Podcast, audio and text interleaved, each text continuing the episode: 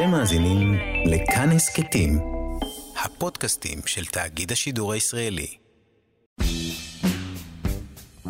נגד הזרם, רועי חסן מארח.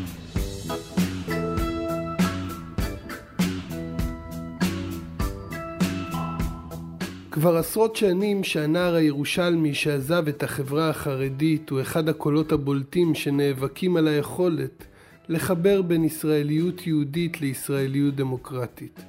ובזמנים האלה, כשנדמה שהחיבור הזה שברירי במיוחד, הוא מסרב להתייאש ואפילו חוזר לאהבתו הראשונה, הספרות.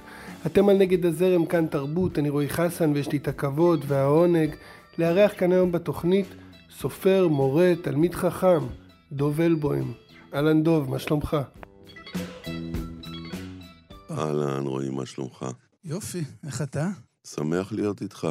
אה, הדדי, הדדי, האמת חיכיתי, לה, חיכיתי לזה, אה, לא מעט זמן. אה, פעם ראשונה שאנחנו נפגשים. ממש כך, וישר מרגיש חיבור. כן, אבל אני מכיר אותך, מרגיש שאני מכיר אותך שנים, זאת אומרת, זה לא, לא מרגיש לי חדש. אז נתחיל ככה, אולי ככה מההתחלה, כמו שנקרא. למרות שנראה לי אנחנו שנינו לא אוהבים אה, סדר מסוים, אבל בכל זאת, אולי נלך נגד הזרם של עצמנו, כן. ונטעה לגביך על הביטוי הזה נגד הזרם. אתה מרגיש ככה? אה, כן, אני חושב שרוב החיים אני מרגיש נגד הזרם. אה, מילדות, אה, בעולם החרדי, ש... שהרגשתי בו בתוכו זר ו... ולא שייך. וגם אחר כך, כשיצאתי לשאלה, מה שנקרא, ועזבתי את החברה החרדית, והתחלתי להיטמע בתוך התרבות והחברה הישראלית החילונית, תל אביב, אתה יודע, שנות התשעים. התחלתי לכתוב בעיתונים, ספרים וכדומה, ו... וגם שם הרגשתי מאוד מאוד זר. לא הרגשתי שזה הבית ש... ש... שרציתי להגיע אליו, כי בעצם הבנתי ש... ששני הזרמים האלה, כביכול, שקיימים בחברה הישראלית, ועכשיו אה, אנחנו ממש מרגישים את ההתרחקות שלהם, לצערי, אז אה, שני הזרמים האלה הם, הם הם ממש כמו איזו דיכוטומיה של אפס או אחד, ואני לא מצאתי את עצמי, לא באפס ולא באחד. ואצלך הם לא בדיכוטומיה, הם, הם לא מתנגשים בעצם.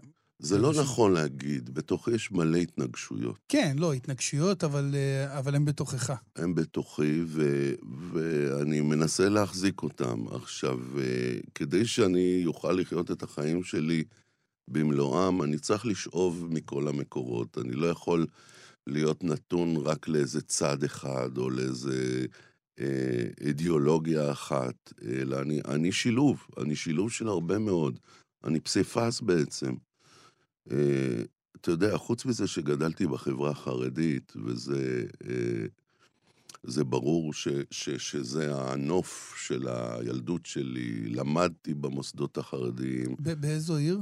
בירושלים, אתה יודע, אני בן של אה, משפחה מאוד מאוד אה, שורשית, חרדית, משפחה של נטורי קרתא מצד אמי, אה, משפחה של חסידים מצד אבא שלי, ואחים ואחיות, כולם בתוך העולם החרדי. כן, זה מסתדר? נטורי קרתא וחסידים? זה, זה קורה? זה כן, זה נדיר? קורה, זה כן? קורה, כן, ובמיוחד אז, אתה יודע, אנחנו מדברים על ירושלים של, של אחרי מלחמת העולם השנייה, אחרי השואה.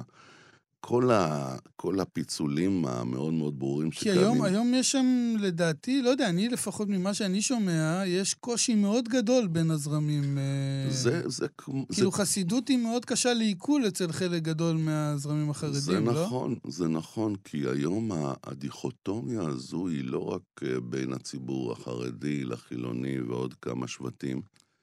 אלא באמת יש התבדלויות, כל זרם מתבדל בפני עצמו, וחסיד גור לא התחתן עם חסיד ויז'ניץ, וליטאי לא התחתן עם חסידי, אבל אז, אחרי השואה, זה היה עולם אחר, כל הדיכוטומיות האלה היטשטשו, ובעצם נעלמו עם המצוקה הנוראית שהייתה אחרי השואה, ואז עוד הערבובים היו, היו אפשריים, היום פחות. אבל מה שרציתי להגיד לך, רועי, שזה, שזה לא רק זה. אני גדלתי בעצם בשכונה מעורבת, וזה היה מאוד מאוד משמעותי בשבילי. גד, גדלתי בשכונת רמת אשכול בירושלים, שהיא ב, בשנות ילדותי הייתה שכונה כמעט חילונית לגמרי, אבל עם איים פה ושם של אה, כיפות סרוגות מכל מיני כיוונים, ואנחנו היינו פחות או יותר המשפחה החרדית היחידה בשכונה. אשכרה. אז אני גדלתי משפחה חרדית בתוך שכונה, ממש שכונה ירושלמית, מעורבת מאוד, מלא עולים ממרוקו, מעיראק, מארצות הברית, מכל, באמת, מכל כנפות תבל. אה, זה, זה העולם שלי. העולם שלי מורכב מפסיפס של, מאוד מוזר, כן, של אה, חרדים אולטרה אולטרה קיצוניים, אה, ירושלמים, שכנים וחברים, חברי ילדות ממוצא מרוקאי, חברים חילונים ודתיים, אה, מכל העדות ומכל הכיוונים. זה ו... קצת קפסולה של ישראל בעצם. בדיוק, כאילו... אבל בתוספת של החרדיות המאוד מאוד... אה, לא uh... יודע, אצלי החרדיות היא חלק מהקפסולה לגמרי. זאת כן. אומרת, היא מאוד נוכחת אצלנו בפריפריה. אתה יודע, אנחנו... אמנם זה לא בני ברק ולא... גם לא, גם לא ערים, אתה יודע, ספציפיות כמו אלעד וכאלה, אבל יש... ברוך השם, לא מעט חרדים, כאילו, בחדרה, בכל האזורים האלה, אתה יודע שאני... כן, נכון, ו... נכון. במשפחה שלי, אני יכול לומר... אה, כן, אני יודע שיש, אבל אתה לא תמצא הרבה ילדים אה, חרדים שמשחקים כן, כדורגל בשבת נכון. עם החבר'ה בשכונה. את זה אתה לא תמצא, וזה היה מאוד מאוד ייחודי בילדות נכון. שלי. אז אה, באמת אני, אתה יודע, הייתי לגמרי מוטמע בתוך התרבות הישראלית הכללית, ועדיין חי בתוך הקפסולה המאוד סגורה הזו, החרדית. וזה נותן בי את אותותיו עד היום, כי, כי בעצם, אתה יודע, כל פעם שיש איזה, איזה קיטוב, איזה קרע, איזה דברי הסתה שאנשים אומרים אחד על השני, בשבילי זה, זה תמיד אני נעלב. תמיד. לא כן. משנה מי מדבר על מי, אני נעלב. לא משנה מי צועק על מי, אני נפגע. אתה יודע, רבי נחמן מברסלב אמר פעם ש, שלפעמים שהוא עושה התבודדות לבד ביער, אז הוא מרגיש שבתוכו יש מלחמת עולם בין מעצמות שונות, בין חיילים מקבוצות שונות. ככה אני מרגיש. מבחינה זו, התקופה האחרונה במדינת ישראל היא אחת התקופות הקשות בחיי, כי כי כש, כשמתחולל הקיטוב והשנאה הזו, אני, אני ישר מרגיש את זה בתוכי. הלב שלי הוא, הוא ססמוגרף הכי רגיש לדברים האלה. כן, אבל זה לא משהו שנולד עכשיו, זה רק כאילו, אתה יודע, זה צף פתאום ב, בעוצמות מאוד חזקות, אבל זה לא משהו שנולד עכשיו ב, בתקופה הזאת. זה כן נולד בתקופה הזו. אני לא יודע. אני, כשגדלתי בירושלים, זה לא היה. לא, לא בסדר, לא אבל זה לא... אנחנו מדברים על זו תקופה... כן, אני מדבר על 40 אה, שנה אוקיי, לא, אחורה, זה לא היה. לא, לא, אני לא מדבר על 40 שנה. הדברים האלה קרו ממש ממש ב-20-25 השנים האחרונות. גם אז היה הפגנות של חרדים בשבת, אני בעצמי השתתפתי בהם, כן? זה לא שהיה הכל מתוק וכולם הסתדרו עם כולם. אבל התחושה הזו, התחושה ש... שאנחנו כולם ביחד בסיר הזה, אז הייתה אז הרבה יותר מוצקה.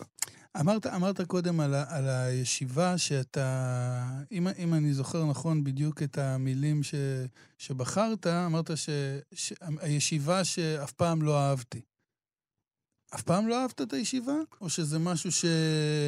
שקרה כן. איזה משהו, או איזה, איזה גיל לא, מסוים. אני או... לא, אני, אני אתקן, אני לא אמרתי שלא אהבתי, אולי, הרגשתי, אולי אני גם לא הרגשתי לא מצטט. זר, הרגשתי זר. אוקיי. אה, אני אהבתי מאוד תקופות מסוימות שבהן למדתי ב, בישיבה, אה, במיוחד בגיל הנעורים, כי באמת אה, למדתי המון, למדתי הרבה על עצמי, זה היה בתנאי פנימייה, רחוק מהבית, למדתי הרבה מאוד התמודדויות חדשות. וגם למדתי איך ללמוד, כי בישיבה אתה צריך הרבה מאוד ללמוד לבד. זה, כן? זה, זה הדבר הכי חשוב בלמידה. חברותה. אתה יושב עם החברותה שלך ואתה מנסה לפענח ביחד איתו את הגמרא עם פירוש רש"י, תוספות, מפרשים. אתה עושה עבודה, אתה מתאמץ כדי להבין, מה שהיום שכחו בבתי הספר כמעט, לחנך את התלמידים, להתאמץ, לחשוב לבד, לפענח לבד. אז הדבר הזה הוא מתנה לכל החיים. זאת אומרת, אה, הידיעה ש, שאפשר ללמוד לבד, וראוי ללמוד לבד, ו, ו, וזה אפשרי, היא מתנה לכל החיים, כי, כי בעצם מאז אני... זה די אשליה כמובן, אבל יש לי אשליה שאני יכול ללמוד מה שאני רוצה. כן. שיש לי אשליה שכל דבר שאני רוצה להבין, אני אוכל להבין אותו. אני אומר, זה אשליה, אבל זו אשליה בריאה. זו אשליה ש, שמגדילה כי, אותנו. כי אתה מרגיש שקיבלת תשתית אה, נכונה, כאילו? כי קיבלתי ביטחון עצמי. אוקיי. קיבלתי ביטחון עצמי שאני יכול לגשת לטקסטים הכי מוקשים ו- ו- מסובכים בתלמוד, ואחרי עמל ומאמץ, לא משנה כמה שעות זה ייקח, אני אבין. יהיה איזה רגע שיפול לי האסימון ואני אבין. כי זה מה שחינכו אותי. חינכו אותי לא לוותר על מאמץ כדי להבין. זה, זה רבי עקיבא שלומד אה, א' ב' בגיל 40, וכל מיני סיפורים כאלה של אנשים גדולים שהיו סתומים לגמרי, ו- ועוד פעם למדו, ועוד פעם למדו, ועוד פעם למדו, ועוד פעם למדו, עד שנפתח להם. מהמם. אלו היו סיפורים שגדלנו עליהם. אז מבחינה זו זה, זה נכס לכל החיים. זה גם נזקים לכל החיים, אבל אפשר לדבר בוא, על זה. נדבר גם על הנזקים תכף, אבל אני אומר, אבל מה ש... מה ש... זה, זה אולי כל העניין בעולם הזה של החרדים, זה שהם לפני הכל מקדשים את הלימוד, את האינטלקט. זאת אומרת, אתה כל... עזוב עכשיו את התוכן ואת הזה. עיקר הדבר מגיל מאוד קטן הוא הלימוד. אני חושב שאתה צודק במאה אחוז, וזה זה באמת, אני חושב, העקב אכילס הכי נורא של החברה היהודית הישראלית החילונית. הם, הם, הם שכחו את, ה, את המסורת הכל כך עמוקה ביהדות, ולימדתם אותם, את בניכם, ושיננתם לבניך. זה המהות של היהדות. זאת אומרת, לעסוק בלימוד ולחנך ללימוד, וללימוד עצמי. זה, ו... זה פחות משנה התוכן. וזה פחות התוכן, משנה תבחר- התוכן, תלמד על חרקים, בדיוק. תלמד על התורה. שיפ- בדיוק. זה לא משנה, עצם התנועה הזו שאדם יודע שהוא כל החיים אני חושב, בפרוסס אני, של חושב, למידה. אני חושב שזה גם אה, איזשהו מניע של כעס, בסופו של דבר, על, על החברה הזאת. אני לא יודע איך אה, להגיד את זה במילים עדינות כדי לא להישמע מתריס, אבל אני חושב שזה אחד הדברים שמכעיסים מי שלא בחברה הזאת. שהם באמת קמים בבוקר ועוסקים ופותחים ספר. יש בזה משהו לקנא בו. יש בזה אה, בוודאי, משהו... ולא רק שיקנא יש בו. ואתה יודע, ובחיים המקבילים, המערביים, החילוניים, המטורפים של הריצה והכסף והזה, זה לא מתאפשר, גם לאלה שבאמת רוצים לקום בבוקר תראה. ולפתוח ספר, אלא אם כן אתה בוחר בסוג חיים מאוד מאוד ספציפי והולך לאקדמיה ל... תראה, זה דבר שבהחלט אפשר להתקנא בו, אבל אני רוצה להגיד הסתייגות. התורה מאוד מאוד מחנכת ללימוד ול, ולהורשה, להורשה לדורות הבאים את הלימוד. אבל התורה, תמיד היה בה לימוד לצד דרך ארץ. וכבר חז"ל אמרו את זה בפרקי אבות. כל תורה שאין בה דרך ארץ, סופה הם, הופכת להיות עוון. בטח. והרמב"ם, וכולם כתבו על זה. אז זה-. הבעיה בחרדיות, שהם באמת לקחו את זה למקום קיצוני, וגם לצערנו, הרבה פעמים על חשבון אנשים אחרים. תראה, אני ממה שאני יודע, ב... ב... בתרבות המזרחית, מה שנקרא. בצפון אפריקה, ולא רק בצפון אפריקה, בתרבות המזרחית, לא היה דבר כזה חרדים, לא כי לא היו אנשים שהיו בקיאים גדולים בתורה וצדיקים וכאלה שלמדו תורה מבוקר עד ערב, אלא כי לא היה דבר כזה שאדם אין לו משלח יד, אין לו פרנסה. היו אין לו מעטים. מקצוע, אה, היו היו מעטים, נכון, הם מעטים. היו, הם היו, והם היו אנשים מאוד מוכשרים, בדיוק, הם היו- שהיה להם את היכולת הזו. הם כן? היו רמי מעלה, ובאמת כאלה שאתה יודע... מעטים, בודדים. בדיוק. זה לא היה סטנדרט. כן, תראה, כך. כל החרדיות זה המצאה מודרנית, וזה במיוחד המצאה ישראלית בעצם. לפני מדינת ישראל לא הייתה חרדיות. קראו להם אדוקים, ולחילונים קראו חופשיים בכלל. אה, אה, מה, לא. ב- ב- ב- כן, באשכנז לא היה דבר כזה חרדיות? לא, אני- זה, מתי זה התחיל? כשהתחילו להיות תנועות רפורמיות, כשהתחילה להיות השכלה, כשהתחילה להיות uh, תנועה ציונית שהיא היא לא דתית. סבתא שלי, זיכרונה לברכה, הייתה אומרת שבמרוקו לא היו חילונים, היו דתיים יותר ודתיים פחות. נכון. אז כך גם היה ב- ב- ברוב ארצות אשכנז ואירופה ומזרח אירופה. מה קרה? התחילה לפני 200-300 שנה ההשכלה, הרפורמה, החרדים בהונגריה הרגישו שהם חייבים uh, להתגונן מפני המגפה, המגפה של ההשכלה והמודרנה, ולכן התחילו להרים את החומות, חומות, חומות. ועל זה נאמר החתם סופר, רבי משה סופר, שהוא היה הנביא של החרדיות, הוא פסק את ההלכה, חדש אסור מן התורה. כל דבר חדש, סטופ, צריך לעצור אותו לפני, לפני שהוא נכנס, וזה בעצם החרדיות. החרדיות בעיניי היא, היא, היא, היא באמת, אמ, אתה יודע, אני לא הייתי משתמש אה, בדיבור הלא יפה של פרופסור אסא כשר, שדיבר על החרדיות כמוטציה של היהדות, כי זו מילה שלא נשמעת טוב, למרות שהוא לא התכוון לזה. אבל באיזשהו מובן זה איזשהו שביל ש, שהתפצל מתוך היהדות השורשית. לא היה מעולם חרדים בעם ישראל עד לפני 250 שנה בערך. וגם פה נהייתה עוד יותר איזה... איזה... אבל, אבל מה, על מה זה מעיד בעצם? זה לא מעיד על, אה, על מוטציה כמו שזה מעיד על המילה אולי היותר, אולי אני בא להגיד משהו להגנתם ואומר משהו אולי לרעתם, לא יודע. אבל זה יותר כמו אבולוציה של משהו שחי אבל ונושם. האבולוציה מתרחשת במוטציות, זה אבל- מה שעשה אבל, אמר. אבל ברגע הזה שכמו שאתה אומר, חדש אסור מן התורה, זה דווקא פה אתה עוצר את האבולוציה. ופה אתה לוקח משהו חי ונושם ואומר לו, עד כאן, פה אני, פה אני סוגר אותך.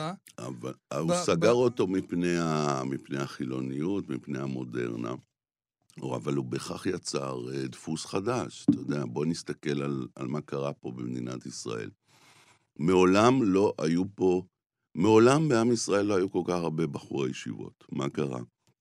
פשוט יצרו איזה דפוס שבו אדם צעיר חייב ללכת למסלול הזה. זאת אומרת, הוא לא בוחר האם לחיות חיים של, אה, של אברך או של אה, לומד. זה מונחת על כולם כי זה עסקת חבילה, בין אם זה מתאים לך, בין אם זה לא מתאים לך. זה חלק מהקריטריון להיות חרדי בעצם. בדיוק, זאת אומרת, זה- אם אתה זה המדהים. להגדיר, אם אתה רוצה להגדיר את עצמך חרדי, אתה יכול- חייב ללכת בדרך הזו, ואז אתה בעצם הופך להיות עבד של איזה תבנית כזו, זה לא מבחירה. הלימוד הפסיק להיות מבחירה. בחורי ישיבה לא לומדים תורה מבחירה. הם לומדים כי אם הם לא ילמדו, אז הם יצטרכו להתגייס לצבא, וזה לא בא בחשבון מבחינתם. או הם לא יקבלו שידוכים טובים, כי אז הם לא ייחשבו לחרדים טובים. אתה מבין? זה, זה הפך להיות אנטי-חירות.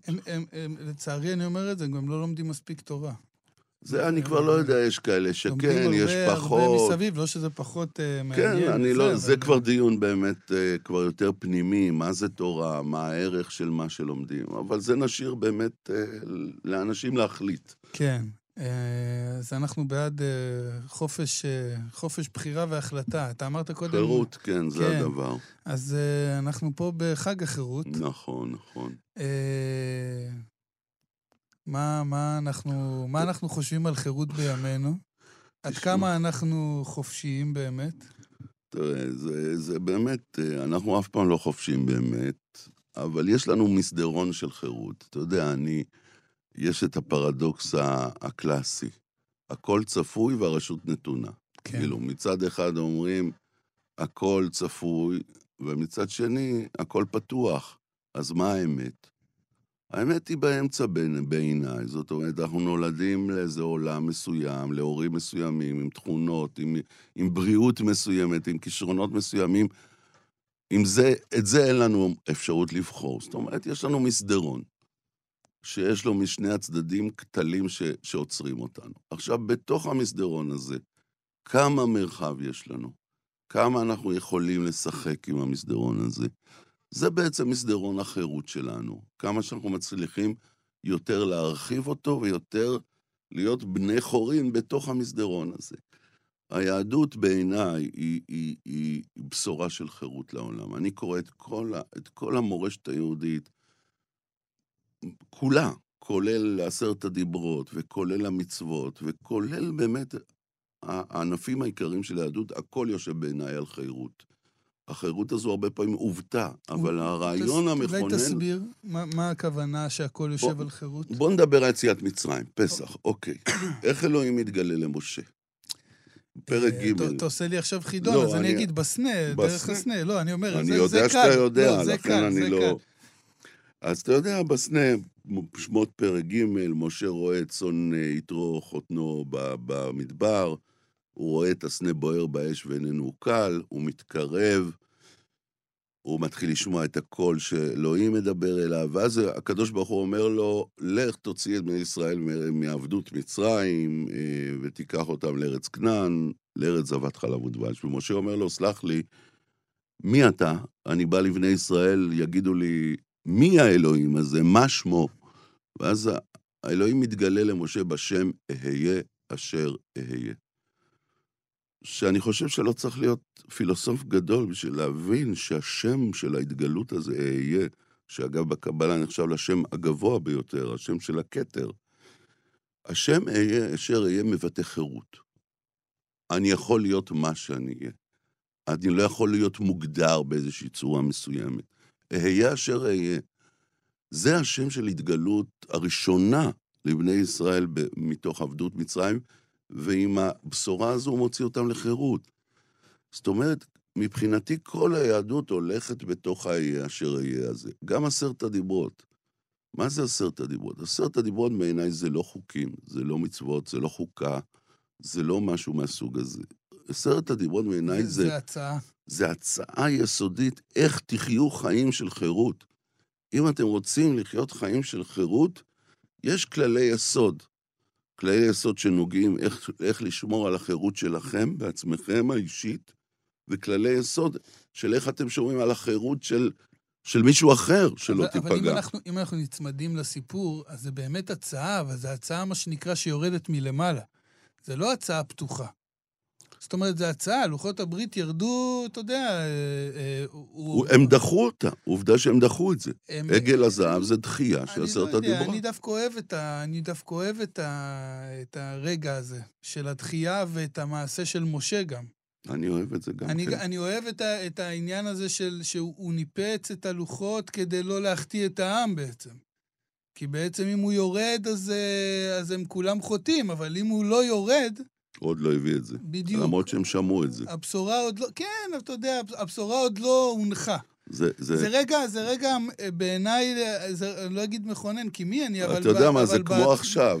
זה ה... רגע שאני מאוד אוהב, הרגע הזה של מנהיג, שמבין מה נכון, כאילו שם את מה שנכון יותר ממה שחשוב אולי. נכון, נכון, ולצערי אין לנו הרבה מנהיגות כזו היום. אה, בהחלט, אני מסכים איתך. אבל מעבר לרגע הזה ולשאלה אם בני ישראל דחו את עשרת הדיברות או לא, השאלה איך קוראים את עשרת הדיברות. האם אתה קורא אותם כלא, לא, לא, לא, עשה, עשה, עשה, עשה, או שאתה קורא אותם, אנוכי הוויה אלוהיך אשר הוצאתיך מארץ מצרים מבית עבדים. אני האלוהים שלך אומר לך, הדבר הכי חשוב זה שיצאת לחירות.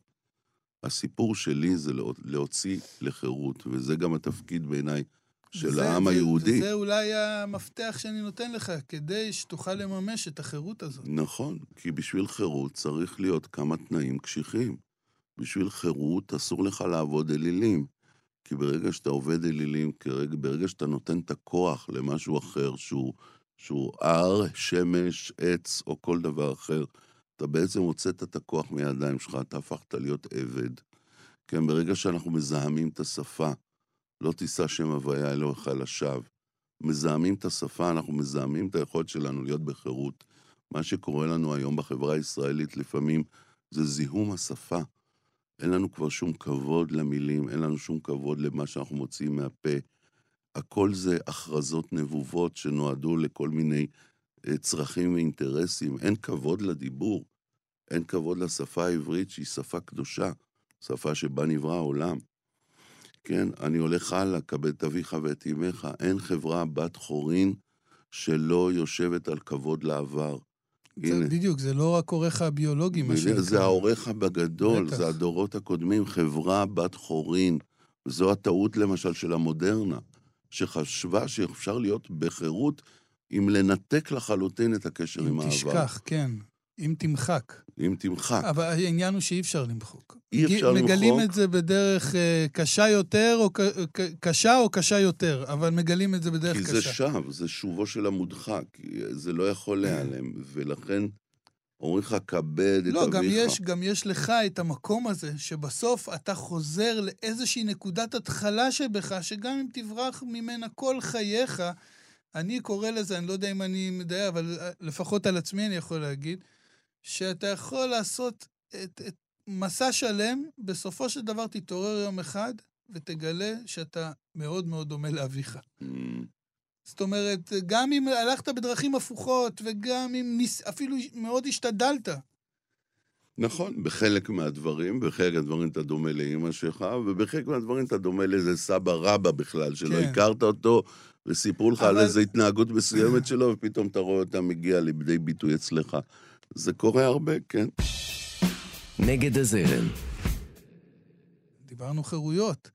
אז באמת בא- באותו, אה, באותו רגע של אה, משה רבנו והחירות, וכמו שאתה תיארת את זה, לוחות הברית, אה, הרגע הזה של, ה, של המתן החירות, או, ב, או של אפשרות החירות בעצם, עדיין, גם אחרי הרגע הזה, עדיין זה נראה ש... אה, אני לא יודע איך, איך לומר את זה, אבל כאילו, אה, אני אומר, הקדוש ברוך הוא זה ככה, אני זה, אבל הקדוש ברוך הוא מעביר את, את עם ישראל ואת משה הרבה מאוד התרחשויות בד- בדרך לחירות הזאת. זאת אומרת, גם כשהוא עשה להם ניסים ו- ו- וקרע את הים, והם יצאו, ויצאו מה- מהעבדות והשתחררו מה- מפרעה וכל הדברים האלה, בסופו של דבר, עדיין המסע שלהם ממשיך אל עבר החירות. זאת אומרת, הם עדיין לא מקבלים את החירות הזאת. כן, תראה, זה גם בדיוק העניין של, של הכישלון, אפשר לומר, של עגל הזהב, כי, כי השאלה אם זה לא משהו פילוסופי שלנו, שאנחנו כאילו, אה, זה כמו משהו שאנחנו מנסים להגיע אליו, אבל כל, ה, כל העניין שלו הוא עצם ה, המסע. הת- התנועה אליו, ולא באמת ה, לתפוס את זה ביד. אני חושב שאתה צודק, אני חושב שהמסע של החירות הוא אף פעם לא יכול להיות, אה, אה, מ, אתה יודע, לפני רבע שעה היית עבד, ואופס, אה, נהיית בן חורין, רק כי עשו איזה נס, רק כי אלוהים אמר, אתה יכול להיות בן חורין. זה לא עוזר, אנחנו צריכים לחצוב, ממש לחצוב את החירות בתוכנו כל פעם מחדש. העבדות כל הזמן אורבת לנו, זה יותר נוח להיות עבד. זה יותר נוח אה, שאתה לא צריך לחשוב, ולא צריך לחפש את דרכך, ושהכול מונח לך ככה מוכן, ואומרים לך בדיוק מה לעשות. המסע אל החירות הוא, הוא, הוא מאוד מסובך. הוא, מד... הוא דורש מאמץ, הוא דורש אה, אה, התכוונות, הוא דורש אה, לב נקי, הוא דורש אמת, הוא דורש הרבה מאוד דרישות מאוד משמעותיות. הוא לפעמים אפילו דורש דברים שהם אה, לא, בהכרח לא אנושיים, אולי. קשים לפעמים. מאוד, קשים מאוד. כאילו שהם מעל הטבע, אני לא אגיד לא אנושיים. זאת אומרת שדורש ממך, אתה יודע, זה, אני, אני נגיד כל הזמן חושב על המושגים האלה. כמו חופש, כמו שמחה, כמו, לא יודע מה, כאלה מושגים, שבני האדם ה- הצליחו להגיע לתובנה שלהם, להבנה שלהם, לגלם בתוכם שפה, לקרוא להם בשם, והדבר הזה הפך להיות חלק מהשגרה שאנחנו משתמשים בו בשמח, בחופש, אבל ה- האמת היא שהם מושגים נורא נורא קשים ל... מהפכניים. להמשגה, זאת אומרת, להגיע אליהם. ל... ל... זאת אומרת, זו עבודה מאוד מאוד קשה להיות בן אדם שמח. מאוד. רבי נחמן עבד על זה כל החיים. כן. אני אומר, אני אומר, אתה יודע, המשפט הזה זה משפט שמעסיק אותי מאוד. המצווה גדולה להיות בשמחה תמיד, אז אני אומר, אוקיי, אני מבין את המצווה, אני רק לא מבין, כאילו, זה כמו שיגידו לך, מצווה גדולה לעוף, אתה יודע, בערך. אבל בשמחה יש משהו נחמד שזה לא כמו לעוף, אני לא, חושב... תמיד. אה, תמיד. התמיד, תראה, התמיד. תראה, לא, בשמחה יש משהו מאוד נחמד. זה אני- שאיפה, לא חושב שמישהו יכול להגיע אז לזה. אז זה מה שאני כן. אומר, זו שאיפה שהיא, אתה יודע, מעל הטבע. עוד פעם, אומרים לך מצווה, יש פה מצווה. כן, לא תראה, תיקח. זה, זה אמרה, זה לא מצווה ממצוות לא, התורה, לא, זה בסדר. לא בתרי"ג מצוות. אבל עדיין זה משפט מאוד חזק בעיניי. אתה יודע, זה התורה הייתה יותר צנועה. היא אומרת, ושמחת בחגיך והיית אך שמח. זאת אומרת, הגבילה את מצוות השמחה לימי החג, לשבעת ימי החג.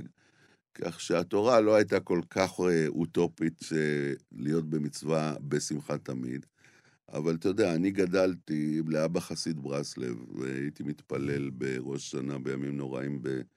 אה, איתו בבית המדרש של חסידי ברסלב במאה שערים, ושם זה נחרט לי בילדותי, היה שלט ענק, לכל אורך הבית כנסת, גבוה כזה, אין ייאוש בעולם כלל. כן, זה... זה, זה ברסלב ידוע. ידוע מאוד. כן. כן, עכשיו, אני זוכר כילד מתבונן על האמירה הזו ומשתאה. מה זאת אומרת אין ייאוש בעולם כלל? כאילו, הם מבטלים את הייאוש? מה, מה הם בעצם אומרים? אנחנו מחליטים שאנחנו מבטלים את הייאוש, אין ייאוש בעולם. אבל הנה, אני רואה מצד ימין, מצד שמאל, כל מיני אנשים שנראים לי סופר מיואשים. מה זאת אומרת אין ייאוש בעולם כלל?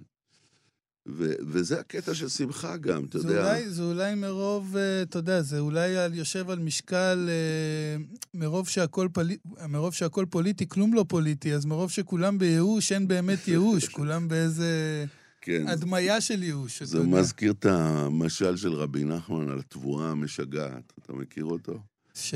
תספר. שהיה פעם מלך שהחוזה בכוכבים שלו אמר לו, תשמע, שנה הבאה כל תבואת הדגן שתהיה במדינה, יהיה לה איזו תכונה שתגרום למי שאוכל אותה להיות משוגע.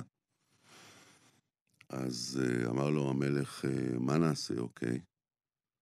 אז הוא אומר לו, אולי נשמור, שיהיה לנו תבואה, ונוכל לאכול ממנה אנחנו, בעוד שכולם יאכלו מהתבואה המשגעת.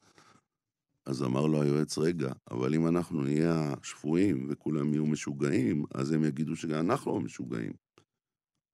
אז יכניסו אותנו לבית חולים לחולי נפש. אז מה נעשה? אז פתאום עלה לו רעיון, אתה יודע מה, גם אנחנו נאכל מהתבואה המשגעת.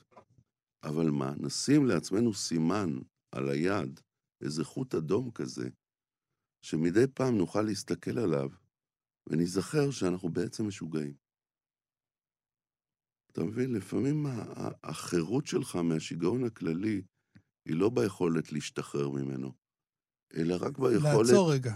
רק ביכולת לדעת שאני בשיגעון. אני בשיגעון. כן. זה הדבר, זה, זה, זו החירות לפעמים. ו...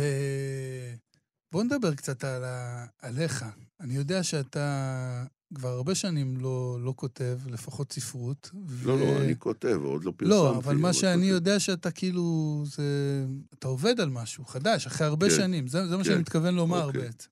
כן, תראה, אני, אני כתבתי גם ספרי פרוזה למבוגרים, וגם ספרות ילדים, וגם ספרות עיונית, אבל באמת, הרבה שנים לא, לא התמסרתי לכתיבה של רומן, של, של פרוזה, מה שנקרא hardware כזה, של, של, של אמיתית. לדעתי גם, אני לא יודע, תקן אותי, כן, אבל לדעתי ככה התפרסמת בעצם, לא? עם זמן אלול או ש... זמן ש- אלול, נכון? אחר כך היה עם האבות, לא, זה היה, זה אחר היה כך... כאילו הדבר הראשון בעצם לגמרי, ש... כן, כאילו, אתה, לגמרי. אתה יצאת לאור קודם כל כסופר. כן, כאילו. כסופר, אבל אה, במקביל גם עבדתי כעיתונאי הרבה שנים. כן, וגם עשית טלוויזיה הרבה עשיתי שנים. טלוויזיה, וגם אה, אה, לימדתי הרבה. כבר 25 שנה אני מרצה ליהדות, מחשבת ישראל, קבלה, חסידות. בקיצור, אה, אה, המילים המשיכו לאפוף אותי מכל עבר, אבל באמת ההתמסרות הזו של כתיבת פרוזה, הזמן, ההתכווננות הנפשית, לא, לא, לא הצלחתי להכניס אותה לתוך כל זה. אה, במקביל גם ל- לחיי משפחה וארבע בנות. אז אה, באמת, אה, גם אצלך רק בנות? אצלי אבו אל-בנת. כן, אותו דבר. דומים בקטע הזה. יש לך עוד שתיים להביא, אה, לא יודע אם זה יקרה, אבל להשם הישועה אומרים, לא? אמן. אה, אז באמת, רק לאחרונה, ככה, כשהילדות טיפה יותר גדלו, ויש ככה יותר מרחב ופנאי נפשי, אז אני מתמסר יותר לכתיבה של פרוזה. אני באמת בעיצומו של ספר גדול. גדול, אני אומר, גם מבחינת ההיקף שלו מאוד מאוד גדול. משתרע על תקופה ארוכה. ספר שמבוסס על חייה של אמי, עליה השלום, ש... באמת, אה, אני כבר 30 שנה מנסה לכתוב את הספר הזה. 30 שנה, וכמה שנים אתה כותב אותו בפועל עכשיו? אני כותב אותו 30 שנה בהפסקות, כל פעם חתיכה, ואז זה קשה לי ואני עוזב, ועוד פעם מנסה. זה מין המסע, המסע הבלתי נגמר כמעט שלי. הוריך בחיים שעוברים? לא, שניהם כבר לא. אוקיי. שניהם כבר לא. אז, אז מבחינתי זה גם סיכום של אז תקופה. אז כאילו זה גם, זה גם משהו כזה שאתה... זאת, טוב, אני מניח, רק יכול להניח שזה מאוד רגשי, הצלילה מאוד, הזאת. מאוד, מאוד. לכן זה כל כך קשה, כי... אתה יודע, כל העמוד שם מחזיר אותי לילדות, מחזיר אותי לעולם הזה, והיו שם דברים לא פשוטים. לא היה, לא היה לי קל. אה, לא היה קל במשפחה. בכלל, נטורי קרתא, יש על זה איזושהי, איזושהי עננה כזאת בחברה הישראלית, הלא חרדית לפחות, שאנחנו לא יודעים עליהם כלום חוץ מהעניין האנטי-ציוני, שזה כאילו מאוד מרתיע את החברה הישראלית, נראה לי, אבל אה, הם, הם מצטיירים כאיזה משהו מאוד רדיקלי כזה בתוך הם ה... הם באמת מאוד רדיקליים, כי הם באמת... כן, אבל אנחנו, אני, אני מניח שהם רדיקליים, אנחנו רק לא מבינים מה זה אומר אולי. בדיוק. ומה זה בא לידי ביטוי, כן. הרדיקליות הזאת. כן, תראה, זה באלף אלפי דברים, אבל זה באמת גישת חיים מאוד מאוד רדיקלית, ש, שבה אה, יש אה, חומה אדירה בין, ה, בין הבית לחוץ. אה, הכל נסגר בפנים, הכל מוכתב, אה, בידול מוחלט מהעולם החילוני עד כמה שאפשר.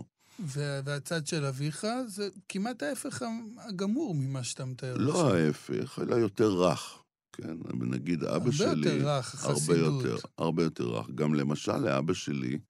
גם ו... הרבה יותר uh, יצירתי. Uh, לא יודע, החסידות, לפחות בתפיסה שלי, יש בה משהו מאוד...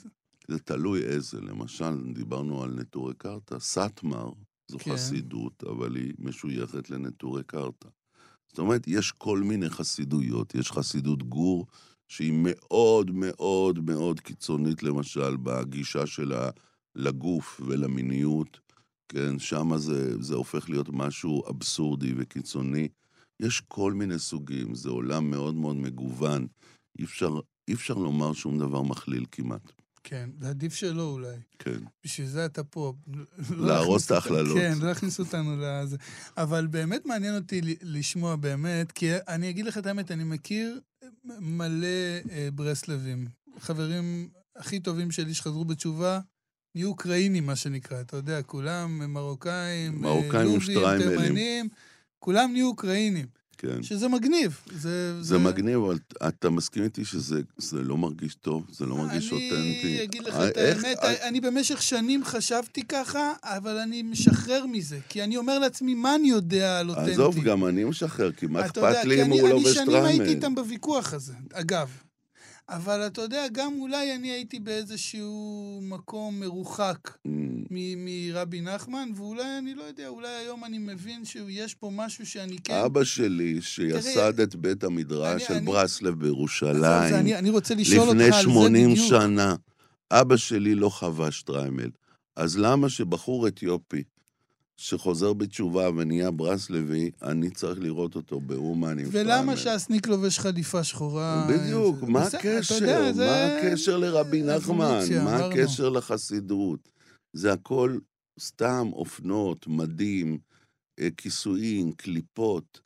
זה הכל, הדברים האלה שהפכו להיות דברים כל כך חשובים בעולם הדתי. אבל אני יכול להגיד לך על חברים שלי, באמת, שכשהם התחילו, כשהם התחילו לחזור בתשובה, אז באמת היה מאוד חשוב להם הדבר הזה. ומה, ולא מהר מאוד, באתי להגיד מהר מאוד, זה לא מהר, לקח כמה שנים, אבל... עשר שנים לפחות לוקח. אבל הם התחילו לוקח. להתקלף מזה. כן, יכול להיות, זה יפה. הם התחילו להתקלף מזה. נכון. הם היום מאוד דומים לעצמם, פשוט ברסלבים. זה טוב. אבל מעניין אותי העניין הזה באמת של ברסלבים לפני, לפני 50 שנה. תשמע, זה היה... כי, כי היום, אתה- זה, אם- היום זה כאילו כל כך... אה, את מי היית, אתה יודע את מי באמת היית צריך להזמין לתוכנית הזו? את אה. אבא שלי, עליו השלום, רבי אריה. אבא שלי היה נגד הזרם. אני אסביר לך מי זה אבא שלי. אבא זה- שלי זה נולד. נולד בפולין, בן למשפחה חסידי בלז. ואז הייתה השואה, ו- ו- והגיעו לארץ. ואחרי השואה, אבא שלי, שהיה נער צעיר, לא היה מסוגל להבין איך אפשר להיות דתיים, כאילו כלום לא, לא קרה. כאילו הכל, הכל אותו דבר. איך אפשר? כל יום שמעו על הדברים הנוראים שקרו שם. זה הוא- מה שקרה להרבה מאוד מרבה. יהודים, צריך לומר. המון. אה, אז אבא שלי הבין שהוא צריך לחפש משהו אחר. ואז בגיל הנעורים הוא נפגש בדמותו ובתורתו של רבי נחמן ברסלב. באיזה גיל? 12. אוקיי. והוא נהיה ברסלבי בגיל 12. להיות בגיל 12, אז ברסלבי, בעולם החרדי זה היה נחשב דבר נורא, כי הברסלבים נחשבו למנודים, בדיוק. לדחויים, למשוגעים, לאנשים שאתה לא רוצה להיות בסביבתם. זה מה שאני אומר, זה היה קהילה זה היה גם מאוד קהילה של, קטנה, מאוד קהילה שולית. קטנה של מבקשי דרך, של מבקשי אמת, שהלכו נגד הזרם. עכשיו, אני, אני. אבא שלי הפך להיות ברסלבי, וכתגובה, אביו, סבא שלי עליו השלום, לא חגג לו בר מצווה. עד כדי כך. כן, אז אני אומר באמת, זה, זה, זה מוביל אותי לשאלה הזאת באמת, שאותך מעניין אותי לשאול, איך קרה שזה היום כל כך תפס התורה של רבי נחמן? מה, מה הסיבה? תראה, יש לי כל מיני תיאוריות, אבל מעניין אותי לשמוע... תראה, אני אגיד לך מה שאומר המורה שלי אה, לחסידות, הרב אברהם יצחק גרין, אה, שהוא גם פרופסור וחקר את ברסלב אולי בצורה הכי מעמיקה בעיניי ש- שיש מתוך עולם המחקר. והוא כותב את זה בספרו, בעל האיסורים, על רבי נחמן מברסלב, הוא אומר, אה, רבי נחמן, כן, הוא, הוא, הוא בעצם היה אדם כל כך רגיש וביטא את האיסורים של המודרנה. הוא הרגיש אותם לפני 250... צפה אותם. הוא ספג אותם והוא, והוא כבר ביטא אותם. איך אבל? איך צופים דבר כזה?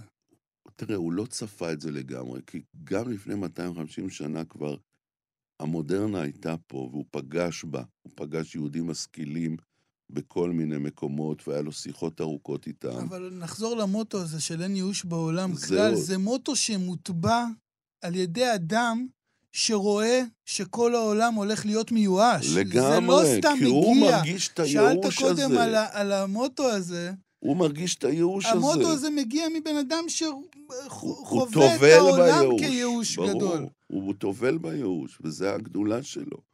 שהוא, שהוא כבר הרגיש את הייאוש הזה, הוא היה אדם כל כך רגיש, אומן כל כך גדול גם. מעבר לזה שהוא היה רבי כל כך חשוב, הוא היה אומן, הרי הסיפורים שלו, זה סיפורי מופת של האומנות. תראה, יש לו סיפור ידוע. אחד הסיפורים הידועים של רבי נחמן מופיע ב, בספר הגדול, כן? סיפורי מעשיות? סיפורי מעשיות, מעשה מבעל תפילה.